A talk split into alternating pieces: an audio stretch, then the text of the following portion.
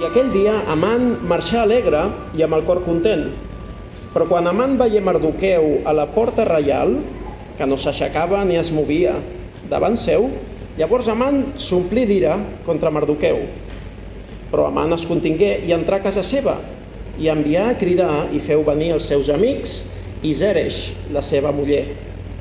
I Amant els enumerà la grandesa de les seves riqueses i la multitud dels seus fills i tot allò amb què el rei l'havia engrandit i amb què l'havia enaltit per damunt dels caps i dels servents del rei.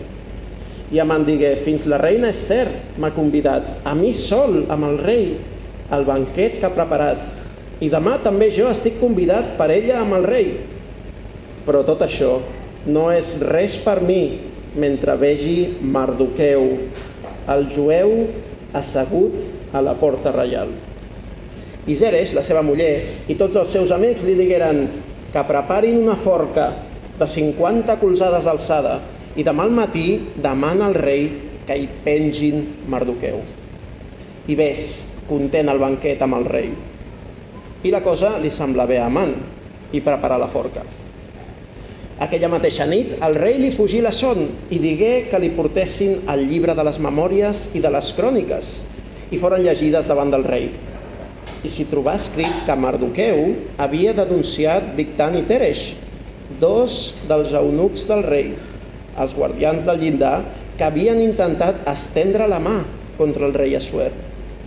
I el rei digué, quin honor i quina distinció es conferia a Mardoqueu per això? I els servents del rei, els seus ministres, respongueren no es va fer res per ell. I el rei digué, qui hi ha al pati? I Amant havia arribat al pati exterior de la casa del rei per demanar al rei de penjar Mardoqueu a la forca que li havia preparat. I els servents del rei li digueren, heus aquí, Amant és dret al pati. I el rei digué, que entri. I Amant entrà, i el rei li digué, què s'ha de fer a l'home que el rei vol honorar? I Amant digué en el seu cor, a qui voldrà honorar el rei, sinó a mi? I Amant respongué al rei, per a l'home que el rei vol honorar, que portin un vestit reial dels que el rei es vesteix i un cavall dels que el rei cavalca i que li posin la corona reial al cap i que posin el vestit i el cavall a la mà d'un dels caps més nobles del rei i que vesteixi l'home a qui el rei vol honorar i que el dugui cavalcant sobre el cavall per la plaça de la ciutat i que proclamin davant d'ell així es fa amb l'home que el rei vol honorar. I el rei digué a Amant, afanya't, pren el vestit i el cavall, tal com has dit, i fes-ho amb Mardoqueu, el jueu que seu a la porta reial. No ometis res de tot el que has dit. I Amant va prendre el vestit i el cavall i vestir Mardoqueu i el feu cavalcar per la plaça de la ciutat i proclamar davant d'ell així es fa amb l'home que el rei vol honorar. I Mardoqueu tornà a la porta del rei i Amant se n'anà ràpidament a casa seva, dolgut i amb el cap cobert. I Amant va contar a Zeresh, la seva muller, i a tots els seus amics tot el que li havia passat. I els seus savis i Zeresh, la seva muller, li digueren si Mardoqueu, davant del qual has començat a caure, és del llinatge dels jueus, res no podràs contra ell, sinó que cauràs irremissiblement davant d'ell. Hola i benvingut al podcast de Ciutat Nova, una església protestant al barri 22 arroba de Barcelona.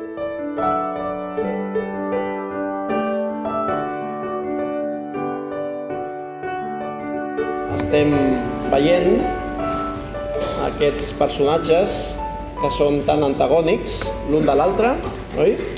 I tenim Amant i tenim Mardoqueu i, i veiem què és el que succeeix amb ells.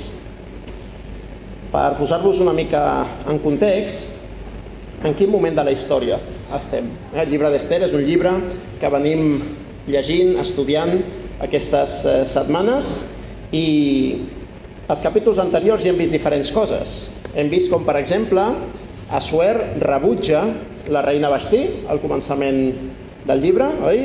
També com Esther és escollida reina, també com Amant, el dolent, prepara la seva conspiració per acabar amb el poble jueu, amb aquell decret reial, oi? I veiem com Mardoqueu i Esther, que són jueus, reaccionen a aquest decret reial d'extermini. I avui veiem com la història es comença, a d'alguna manera, a capgirar. Hi ha uns grans girs de guió. Si poguessis eh, fer una paraula clau, resumir amb una paraula clau el missatge d'avui, seria aquest concepte, gir de guió. Gir de guió. Avui veiem un gran gir de guió. I el decret reial, aquell ordre d'extermini del poble escollit, està penjant sobre el cap dels jueus. És a dir, els jueus seran destruïts. I llavors arribem a aquest text que tenim avui davant nostre. De fet, podem resumir aquests tres punts parlant de tres personatges. Amant, Mardoqueu i el personatge principal d'aquest llibre, que és un personatge o un ésser el que no s'anomena ni tan sols, però que és Déu. Amant, Mardoqueu i Déu. Veiem, doncs, per entendre el text d'avui, per veure què ens pot dir avui aquest text a nosaltres, el primer d'aquests personatges, Amant. Què se'ns diu d'Amant? Hem llegit, oi, el text, i hem vist que és algú que comença molt content. Després de que Esther l'ha convidat amb ell, juntament amb el rei, a aquest banquet que ella vol fer, Amant està alegre i amb el cor content. També són paraules per dir, eh? Alegre i amb el cor content, que han estat bevent vi i que tenen aquell punt d'alegria que va més enllà de l'alegria de que et convidin eh? amb un banquet. Però veiem a Amant que surt content, alegre, les coses li van bé, la vida li somriu, oi? És una de les persones més importants davant del rei i els seus plans sembla que tiren endavant. Però de cop i volta es troba amb el que s'ha convertit en el seu malson.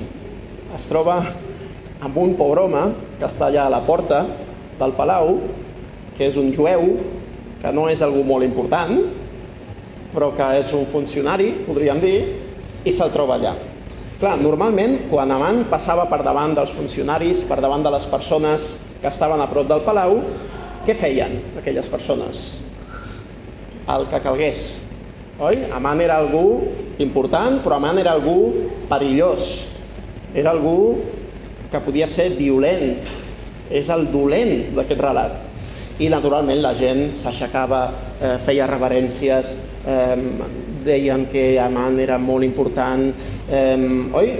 I això és el que feien, però Mardoqueu, una altra vegada, com ja ha succeït anteriorment, no fa totes aquestes reverències, no fa tots aquests, eh, tota aquesta parafernàlia que la gent que coneixia Amant i que volien tenir-lo a favor feien. Per tant, veiem que Amant les coses li van molt bé, però hi ha un problema que no se li resol, que és que aquell jueu no em fa les reverències que m'hauria de fer. I diu el text, llavors Amant s'ompli d'ira contra Mardoqueu. Però Amant es contingué i entra a casa seva i llavors, clar, fa cridar la seva dona, fa cridar els seus savis i els hi explica, oi? Però abans els hi diu, eh? Mireu la meva grandesa, les meves riqueses, tots els meus fills, tot allò que m'ha regalat el rei, i fixa't com m'han enaltit per damunt dels caps i dels servents del rei. Fins i tot la reina Esther, diu Amant, m'ha convidat a mi sol amb el rei al banquet que ha preparat i demà també jo estic convidat allà. Dius, home, què et passa?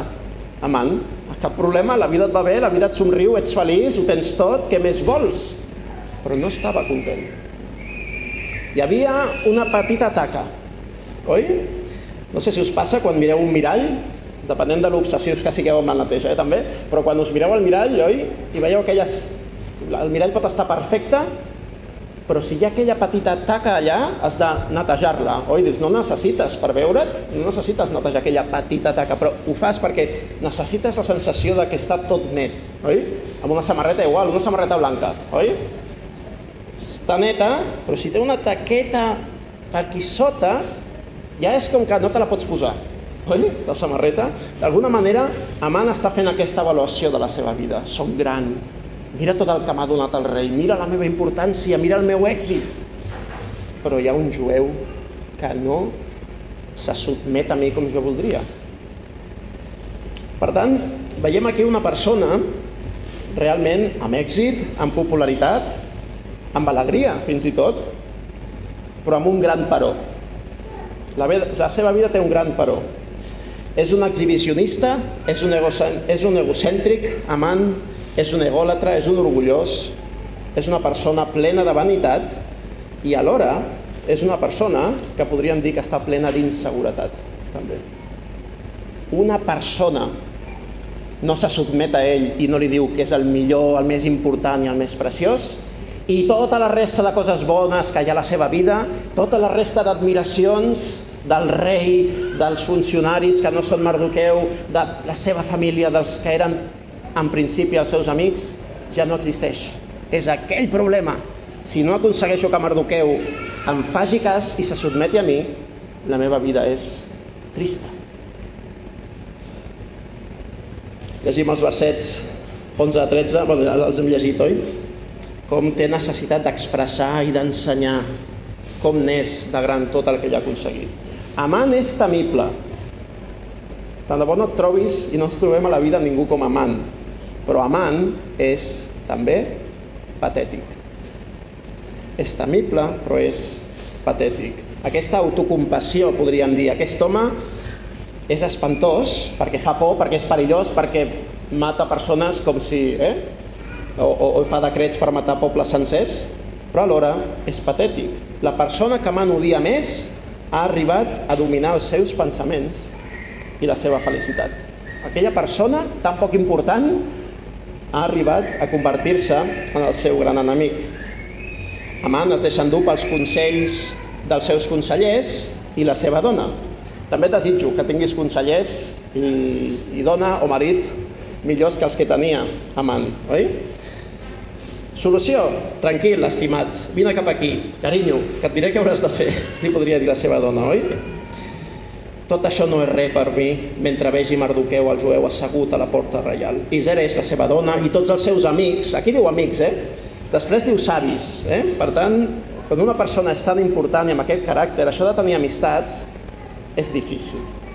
No acostumen a tenir amics, acostumen a tenir persones al voltant que tenen interès en estar prop d'algú com ell, no?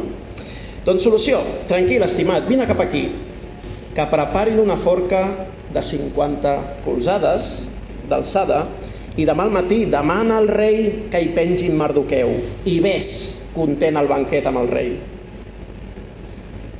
Home, solucionar el problema el soluciones, oi? Una forca, una estructura que serveixi per acabar amb la vida d'aquell que t'està fent la vida impossible i i no n'hi ha prou amb acabar amb la seva vida, sinó que has de fer aquella forca prou alta com perquè es pugui veure per tot l'imperi, pràcticament. Imagineu-vos uns 50 colzades entre 20 i 25 metres, d'acord? Uns 22 metres d'alçada, una forca. I llavors, tu, que el rei t'escolta, amant, vas al rei i li dius que s'hi pengi a Mardoqueu, com t'ha de dir que no, al rei, oi? I llavors bé, això li sembla bé a Man i preparar la forca.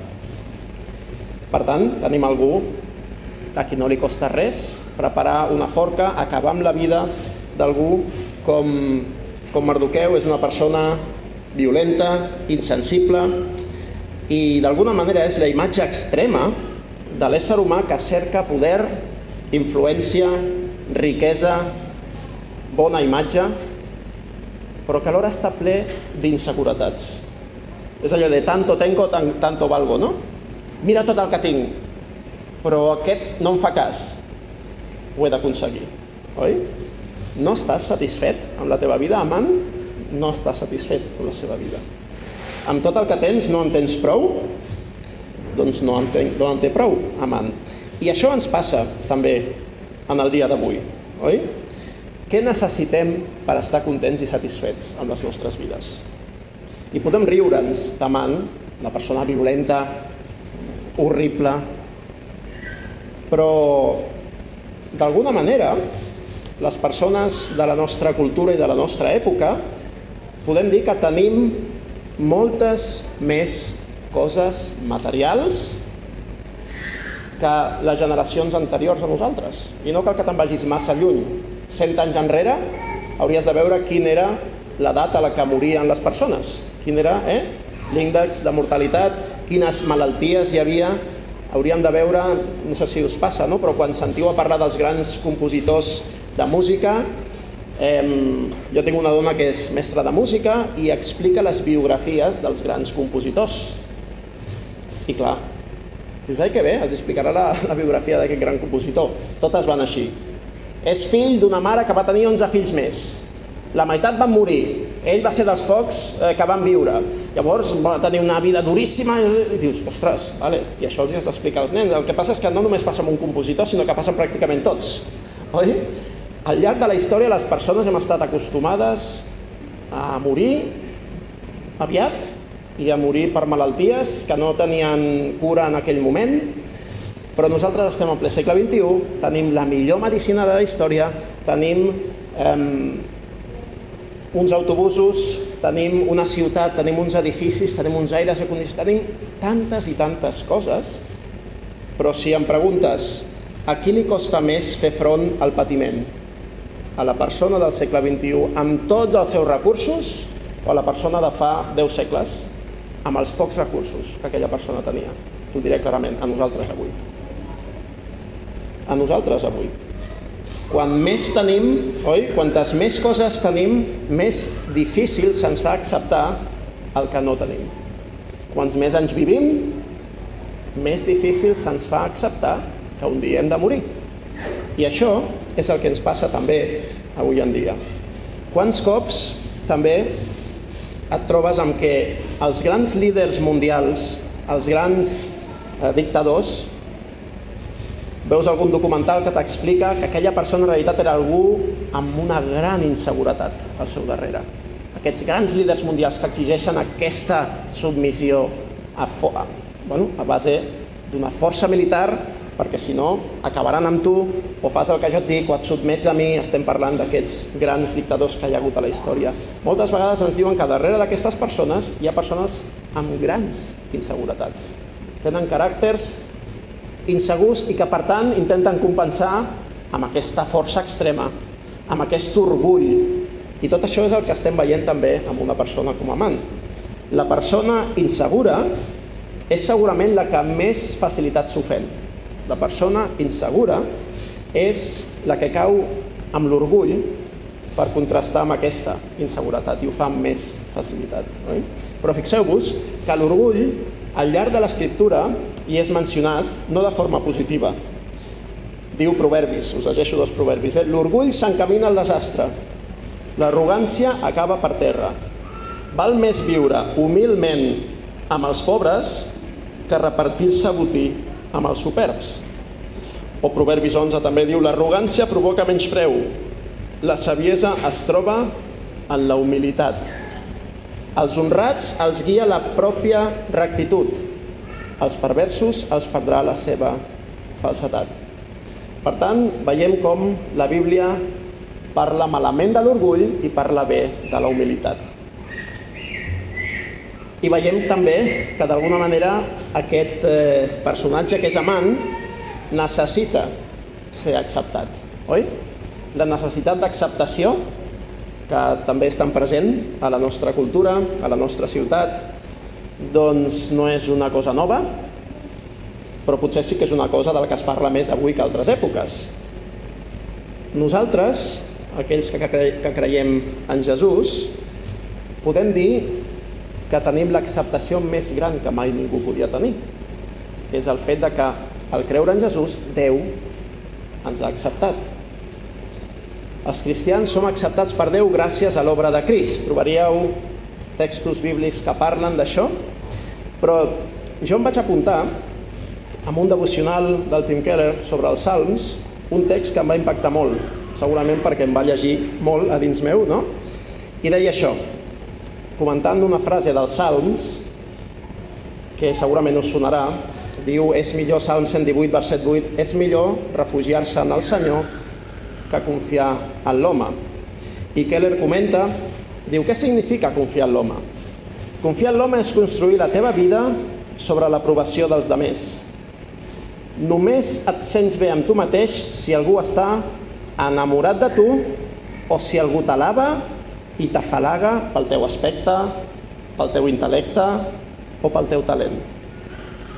Però això et farà estar massa necessitat tant d'afirmació com d'intimitat sexual, massa devastat per les crítiques, massa enlluernat per la celebritat.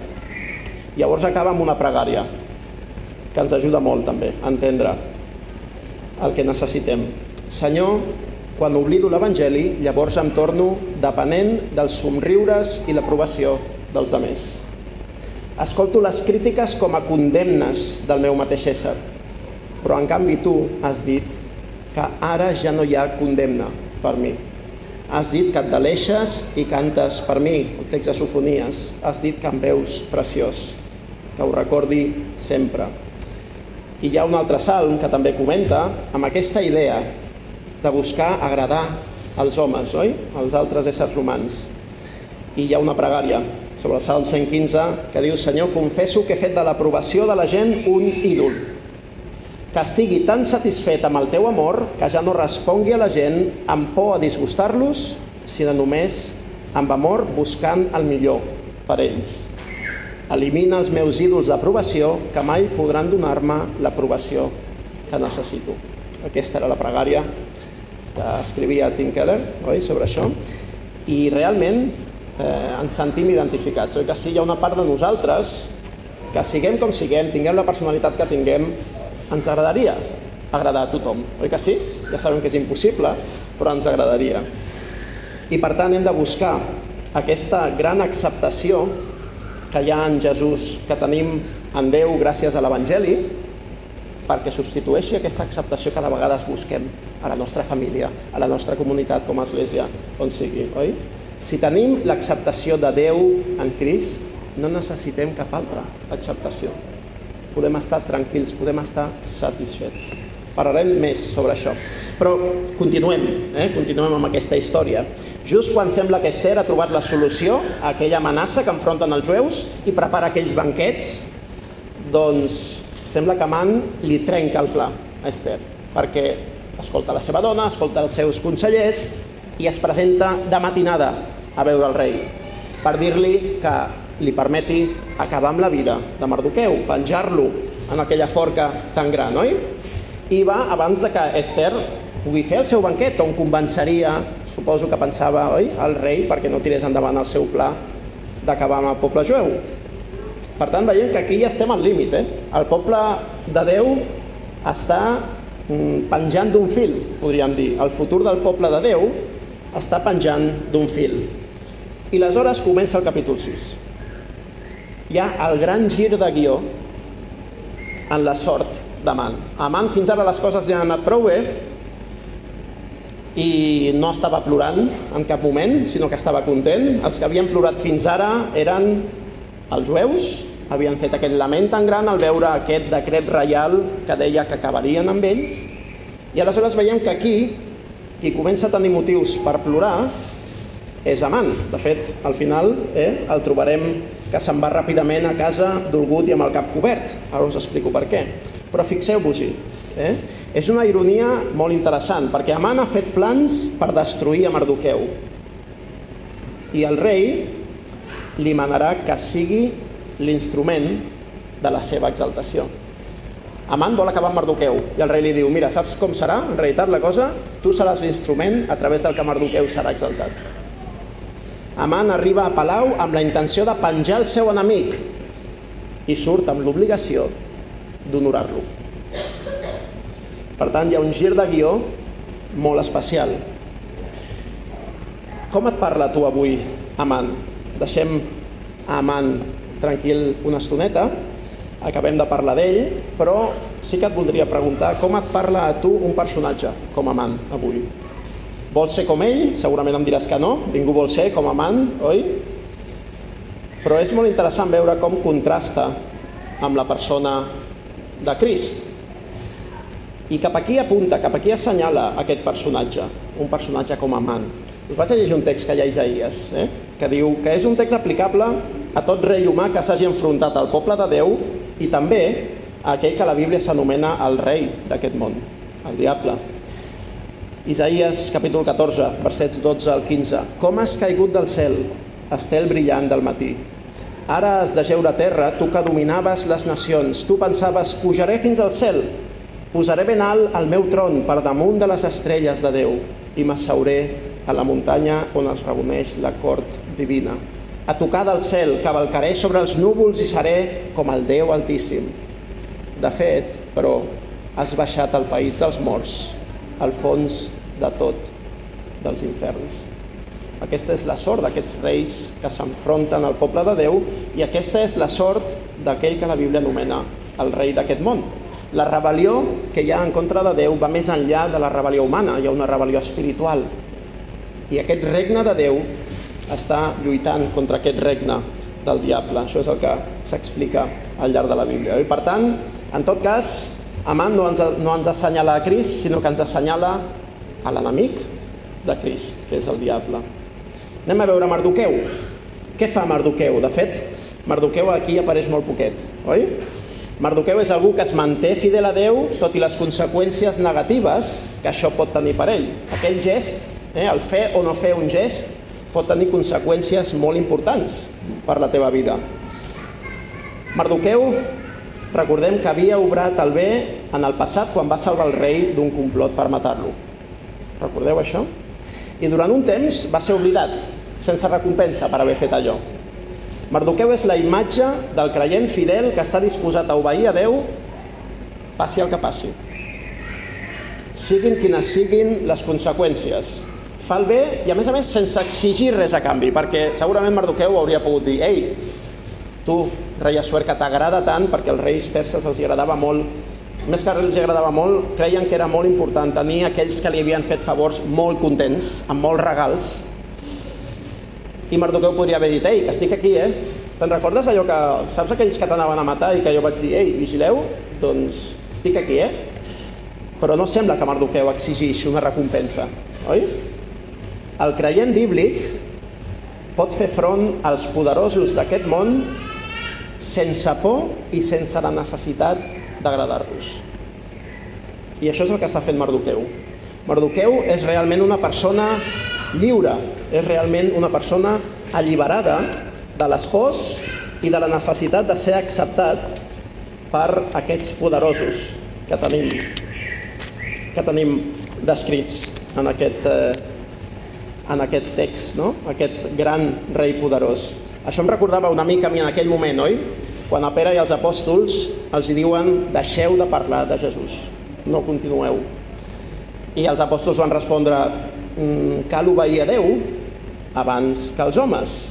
O com va dir eh, Justin Màrtir, un cristià eh, que va ser martiritzat, una frase que a mi em va costar d'entendre durant un temps, però que ara em sembla preciosa. Els hi va dir a aquells que anaven a treure-li la vida o que els anaven a torturar, als primers segles del cristianisme, ens podeu matar, però no ens podeu fer cap mal. Ens podeu matar, però no ens podeu fer cap mal. Aquesta és la perspectiva que dona la resurrecció. Aquesta és la perspectiva que com a cristians podem tenir avui. Mardoqueu viu amb coratge, amb valentia, amb llibertat, amb confiança, amb descans, amb pau, amb una certa independència, amb seguretat, perquè la seva identitat, la seva vida, no estan en els líders que té al seu voltant, sinó que estan en Déu. I jo et voldria preguntar si és així per tu avui. Si tu tens aquesta identitat posada en Déu, si tu tens aquest futur que tens al cap i en el que penses sovint, descansant a les mans de Déu, o lluites constantment per ser tu al rei que asseguri que les coses t'aniran bé? És una bona pregunta. Hi ha un text, hi ha una versió bíblica en castellà que diu no se levantava ni temblava delante de él, oi? Amant no és omnipotent, pensa Mardoqueu, ni té el destí del poble jueu a les seves mans, encara que ho sembli, eh? Encara que ho sembli, perquè sí que sembla que Amant té el destí del poble jueu a les seves mans. Mardoqueu sap que en última instància la sort d'Israel no està en mans de Man, sinó a les mans de Déu, i en ella podien deixar aquesta causa ben deixada. Què et diu a tu, Mardoqueu, avui? Com et parla a tu, Mardoqueu, avui? Vols ser com ell? I més important que tot això, com ens assenyala Mardoqueu a Crist? Mardoqueu és una imatge de Crist en com fer front a l'oposició i a la dificultat. A primera de Pere se'ns diu què té de gloriós aguantar un càstig corporal si heu comès una falta? En canvi, si després d'obrar bé heu de sofrir i ho suporteu amb paciència, això és agradable als ulls de Déu. Aquesta és la vocació que heu rebut, ja que també Cris va patir per vosaltres. Així us deixava un exemple perquè seguiu les seves petjades. Ell no va cometre pecat ni tingué mai als llavis la perfídia i quan l'insultaven no tornava l'insult. Quan el turmentaven no responia amb amenaces, sinó que confiava la seva causa el qui judica amb justícia. Aquesta era l'actitud de Crist. I de fet, us volia llegir eh, com a conclusió d'aquest punt sobre Mardoqueu, el que el comentari de David Burt diu en aquest final, diu Esta escena de la exaltación de Mardoqueo y la correspondiente humillación de su enemigo nos evoca fuertes resonancias bíblicas. Nos recuerda a José, exaltado por el faraón, a Daniel, librado del foso de los leones y vindicado de cara a sus enemigos, y sobre todo al Señor Jesucristo, fiel y verdadero, exaltado por la mano del Padre, cabalgando sobre el caballo blanco, llevando muchas diademas y triunfando sobre la bestia y el falso profeta. Diu, por lo cual, això és Filipencs, Dios también le exaltó hasta lo sumo y le confirió el nombre que es sobre todo nombre, para que al nombre de Jesús se doble toda rodilla de los que están en el cielo y en la tierra y debajo de la tierra, y toda lengua confiese que Jesucristo es Señor para gloria de Dios Padre. Això diu Filipencs. I comenta el David Burr, diu, ¿qué amargura experimentará el príncipe de mundo al ver que todos se postran ante Jesucristo en el día final? y no podrá hacer nada para impedirlo, porque el Rei de Gloria és qui le exaltarà. Això diu aquest comentari, que és de molta ajuda. Oi? Per tant, veiem com Mardoqueu ens apunta cap a Crist d'aquesta manera. I per últim anem a parlar de el personatge més important d'aquest llibre, que és aquell a qui ni es menciona, que és Déu. Què hi fa Déu amb tot això? On és Déu en aquest text? Hem parlat de Man, hem parlat de Mardoqueu, però i Déu no fa res en aquest text. Com hem dit ja anteriorment, el llibre d'Ester ens parla de la providència amagada de Déu. Aquella sensació de que aquí no hi és Déu, oi? On és Déu? No, no, ni tan sols eh, el text bíblic el menciona. La providència amagada de Déu. Déu és el Déu que té a les mans totes les coses. Déu, el Déu bíblic i el Déu d'Ester també és un Déu sobirà que té control, que té propòsit per totes les coses i que és fidel a les seves promeses i al seu poble. És el Déu que capgira la història, que fa els girs de guions que la història necessita perquè es duguin a terme els seus propòsits. Fixa't en aquests detalls tan petits, oi? Aquella mateixa nit al rei li fugí la son. Una nit d'insomni. Què fas quan tens insomni? què fas quan tens son? Jo us explico què faig jo, eh? Bueno, sempre ho faig, eh? Em poso el programa més avorrit que trobis a, a internet, al podcast. El podcast més avorrit que trobis, que no hi surti música, que surtin persones parlant i si pot ser gent que parla a poc a poc, millor. Funciona, funciona. Què fa? el rei Assuer agafa, bueno, mana que algú, eh, com fa un rei, me l'imagino des del seu llit, manant algú dir, aneu a buscar-me el llibre i llegiu-me eh, el llibre de les memòries i de les cròniques. Què és el llibre de les memòries i de les cròniques? Bueno, no sé. Tu primer imagina't, eh? a mi m'encantaria poder tenir algú aquí i dir-li llegeix-me. T'imagines? A mi m'encantaria. És un dels meus somnis, no? Això dels audiollibres és fantàstic, eh? Escoltes i dius, estàs tranquil, llegeixes... Doncs s'aixeca la nit i demana un llibre que parla de tot el que ell ha fet. Que explica els seus grans fets. Llegiu-me el meu llibre. El llibre on s'explica els meus grans fets, on s'explica que bon rei que sóc, oi? Doncs llegeixen els seus servents aquest llibre i concretament arriben a un punt en el que Mardoqueu havia salvat la vida del rei, denunciant a Victan i Teresh, dos dels servents més propers del rei. I llavors el rei diu, ah, i què se li va donar de recompensa a aquest home que va fer això? I li diuen, res, no es va donar res de recompensa. Oh, no pot ser això. No sabem, bueno, segurament sí que sabem, que com a persona insegura que també era Suer, hauria tenir una certa por de no tenir content a tothom que li ha fet un favor. Perquè quan aquesta gent es mou en aquests àmbits tan importants, les coses molts cops funcionen d'aquesta manera. Hem de tenir content a aquell que ens pot fer bé o aquell que ens pot fer mal. Doncs aleshores diu, no pot ser això, no pot ser això.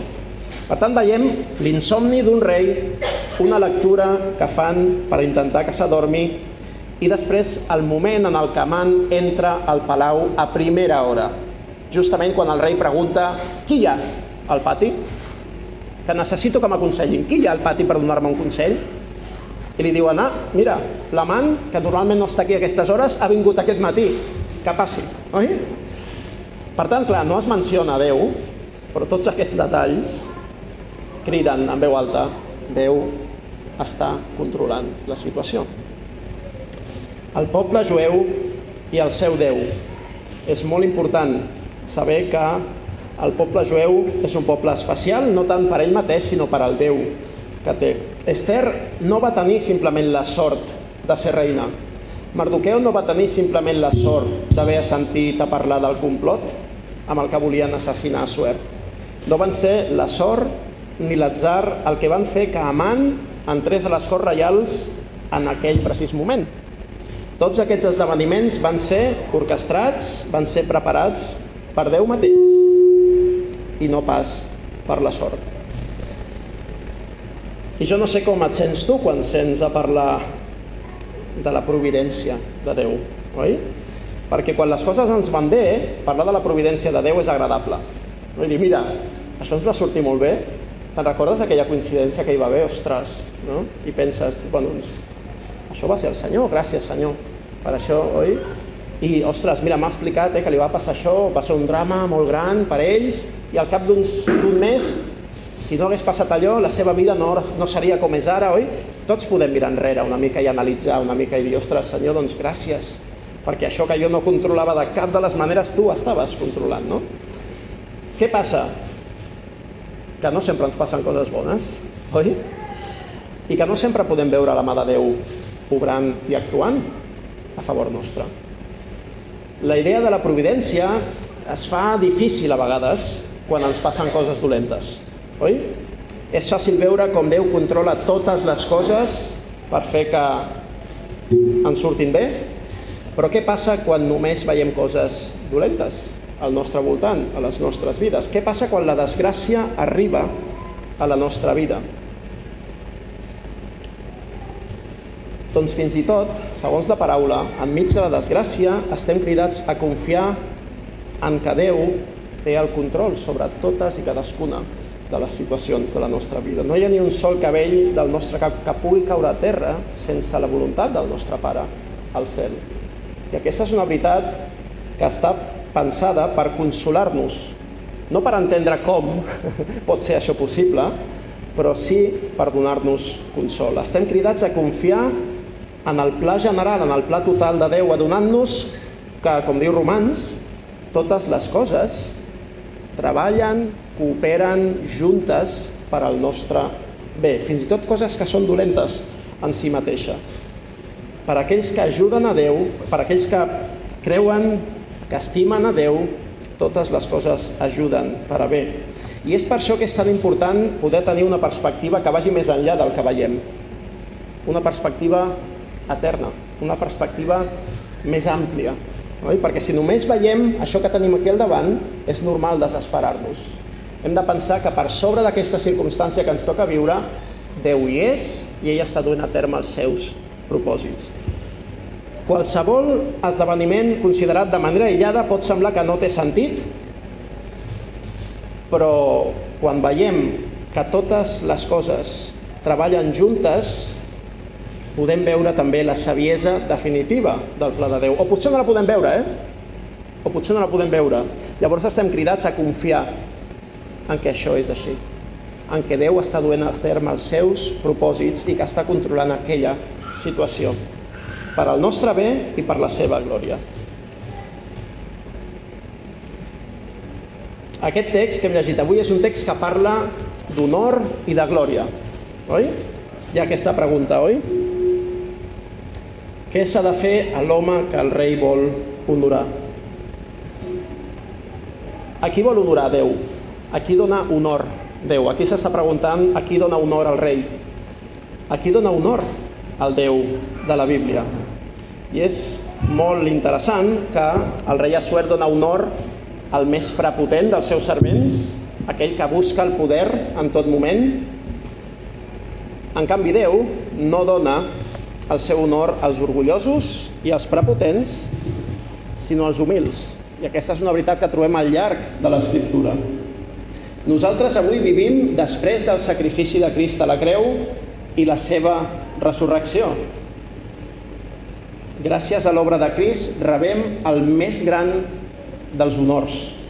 Un honor més gran que l'honor al que aspirava el malvat amant i un honor més gran que el que va rebre Mardoqueu.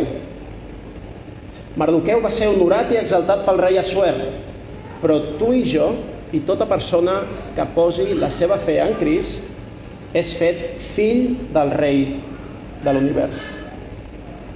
Qualsevol persona que posa la seva fe en Crist té un honor més gran que l'honor que va rebre Mardoqueu en aquell moment. Perquè tu i jo podem escoltar aquestes paraules i fer-les nostres per l'obra de Crist. Fixa quines paraules més precioses. Aquest és el meu fill, el meu estimat, amb qui m'he complegut. Aquestes paraules són dites sobre Jesús, però quan creiem en ell podem dir que també són per nosaltres. Som fills de Déu, Déu es complau en nosaltres i això només pot passar a través de l'obra de Crist. En Crist se'ns ofereix ser fills de Déu i regnar amb Crist per sempre en el seu regne. I és que el gran gir de guió no el trobem al llibre d'Ester. El gran gir de guió a la història dels éssers humans el trobem a l'Evangeli. Déu li va evitar la forca a Mardoqueu, oi que sí? Però Déu no li va evitar la creu al seu fill. El seu fill únic. El lector del llibre d'Ester l'esperen encara girs de guió molt més grans, però queden petits comparats amb el gir de guió d'un jueu que va viure uns segles més tard. Durant l'imperi romà hi va haver un jueu que va ser aclamat com a rei per multituds, com en el seu moment Mardoqueu va ser aclamat també, però aviat es va veure que la corona d'aquell rei no seria una corona normal, sinó que seria una corona d'espines. I l'objectiu d'aquell rei no era gaudir de grans banquets ni obtenir l'acceptació i el reconeixement per al que tant lluiten els reis normals, sinó que aquest rei, Jesús, va venir amb l'objectiu de morir en lloc dels pecadors, de morir en lloc dels injustos. I en aquella mort humiliant del rei Jesús hi havia la gran victòria de Déu. Aquest és el gran gir de guió de la història de l'ésser humà. El gir de guió més gran de la història de la humanitat no el trobem al llibre d'Ester, tot i que és un gir de guió molt espectacular, sinó que el trobem a la creu de Crist. La gran derrota, la gran humiliació, la victòria aparent de la mort va ser transformada en la gran victòria. La gran victòria de Déu sobre els seus enemics i el gran dia de salvació de tot ésser humà que s'acosti a ell amb penediment i amb fe. La creu és el fet més horrorós de tota la història de la humanitat. La mort del Déu fet home en una creu. L'ésser més preciós, l'ésser més perfecte, l'ésser més just, l'ésser més compassiu que ha existit mai va ser clavat a una creu, va ser humiliat amb la pitjor de les morts. Quan Jesús va ser clavat a la creu s'estava cometent l'acte més malvat de tota la història de la humanitat. Un acte injust, un acte cruel, un acte miserable i dolorós i dramàtic i immerescut. Però també era el pla de Déu però també era el pla de Déu. I Déu va transformar aquella gran maledicció en la gran victòria sobre el mal, sobre la mort i sobre el pecat. Si Déu va ser capaç d'utilitzar un mal tan terrible com aquell pel nostre bé i per la seva glòria, dubtes de que pugui utilitzar aquest moment per al que tu estàs passant o aquesta situació difícil per la que tu estàs passant pel teu bé i per la seva glòria?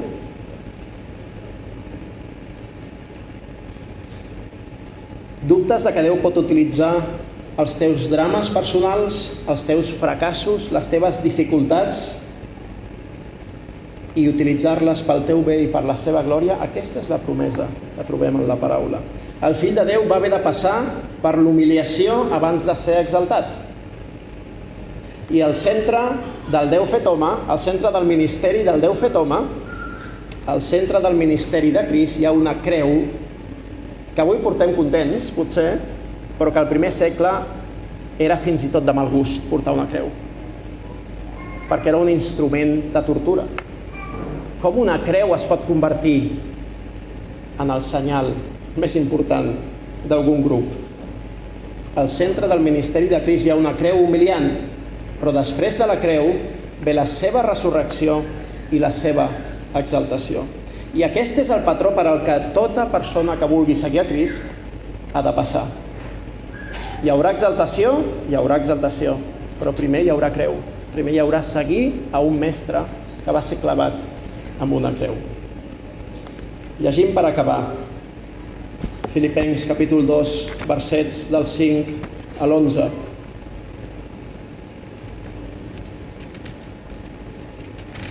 No hi ha millor final per al nostre missatge d'avui, per la predicació d'avui, que aquest himne, que és molt antic, que diu això. Filipencs capítol 2, versets del 5 a l'11. Que hi hagi en vosaltres aquesta manera de pensar que hi hagué també en Crist Jesús, el qual, essent en forma de Déu, no considerar com a usurpació el fet d'ésser igual a Déu, sinó que ell mateix es desvestí prenent la forma d'esclau, esdevenint semblant als homes, i trobat en la semblança exterior com a home, s'humilià a si mateix, esdevenint obedient fins a la mort i mort de creu. Per tant, Déu també el va exalçar altíssimament i li concedí el nom que és per damunt de tot altre nom, a fi que el nom de Jesús es doblegui tot genoll dels qui són al cel i a la terra i a sota la terra. I tota llengua confessi que Jesucrist és Senyor per a glòria de Déu Pare. Gràcies per escoltar aquesta predicació. Si tens preguntes respecte al seu contingut o vols tenir una conversa sobre l'Evangeli, no dubtis en contactar-nos.